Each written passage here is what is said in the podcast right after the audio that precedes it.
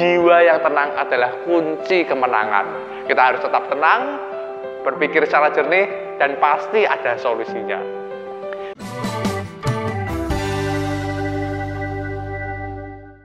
Halo guys, kembali lagi dengan saya Erik Aradi. Hari ini kita akan belajar untuk melakukan analisa suatu perusahaan. Erik mendapat pertanyaan yang sangat bagus sekali dari Novlin. Hai Erik, nama saya Novlin. Saya pemilik rumah makan.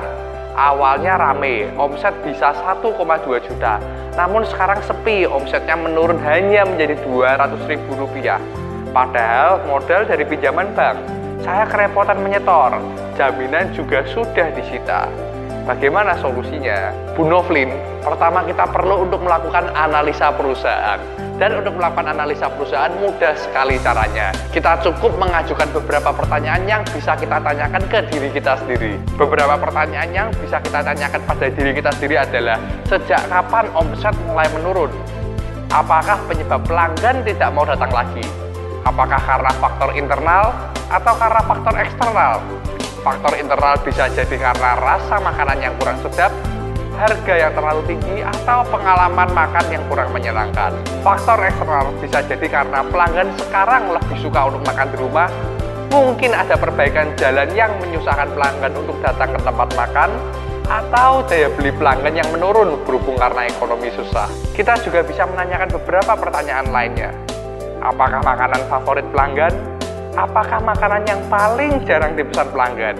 Bu Novlin, jangan lupa juga untuk melakukan survei sehingga kita bisa mendapat jawaban yang akurat langsung dari customer-customer. Caranya mudah sekali. Bu Novlin bisa langsung menghubungi customer satu persatu. Bisa mungkin melalui telepon atau ajak ketemuan. Bu Novlin bisa menanyakan mengapa sih kok sekarang jarang datang ke restoran saya, apa sih penyebabnya? Apakah karena faktor internal, faktor eksternal? Apakah ada makanan yang kurang sedap? Dengan kita bisa berinteraksi langsung dengan customer, maka kita akan mendapatkan input langsung dari customer. Apa sih yang bisa kita perbaiki? Hal ini sebenarnya banyak dipraktekkan oleh banyak perusahaan, termasuk presiden kita Pak Jokowi. Pak Jokowi ini kan sering belusukan masuk ke desa-desa, masuk ke usaha-usaha yang kelas bawah, sehingga dia bisa langsung mengerti apa sih permasalahan yang sesungguhnya. Dia tidak hanya di back office saja, tapi dia langsung survei terjun ke pasar-pasar. Dengan demikian kita bisa mendapat jawaban yang langsung real, jawaban yang nyata. Oh permasalahannya ini, oh permasalahannya itu. Setelah kita melakukan analisa dan menemukan data-data ini, kita baru bisa mencari solusi yang tepat kita bisa melis solusi-solusi apa sih yang bisa kita terapkan dalam bisnis kita. Tulis banyak-banyaknya dahulu.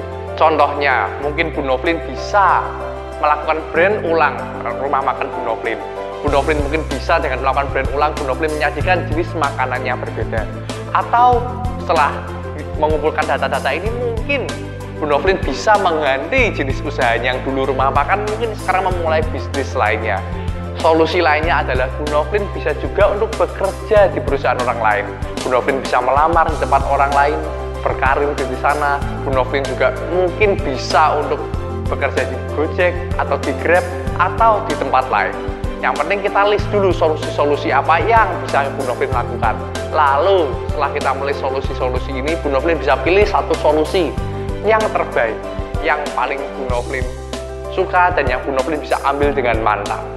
Satu lagi Bu Novlin harus tetap tenang walaupun ditagih hutang atau banyak barang-barang yang disita. Harus tetap tenang, jangan biarkan hati kita gelisah. Karena ketika kita gelisah, nafas kita itu tersendat-sendat. Sehingga oksigennya tidak bisa kita hirup secara maksimal. Sehingga tidak ada aliran oksigen yang masuk sampai ke otak. Sehingga kita tidak bisa berpikir dengan jernih. Oleh sebab itu, ketika kita gelisah, ketika hati kita tidak tenang, kita harus diam dulu. Tarik nafas. Buang lagi. Tarik nafas yang panjang. Buang lagi. Sehingga ada oksigen yang bisa kita hirup, kita bisa ambil secara maksimal, masuk ke otak kita, dan kita bisa berpikir secara maksimal.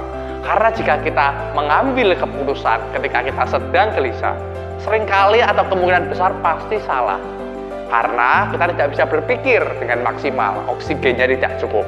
Oleh sebab itu, jiwa yang tenang adalah kunci kemenangan. Kita harus tetap tenang, berpikir secara jernih, dan pasti ada solusinya.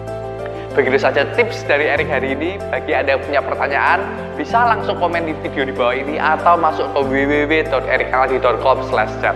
Jangan lupa untuk like, komen, dan subscribe untuk mengikuti video-video berikutnya. Salam sukses.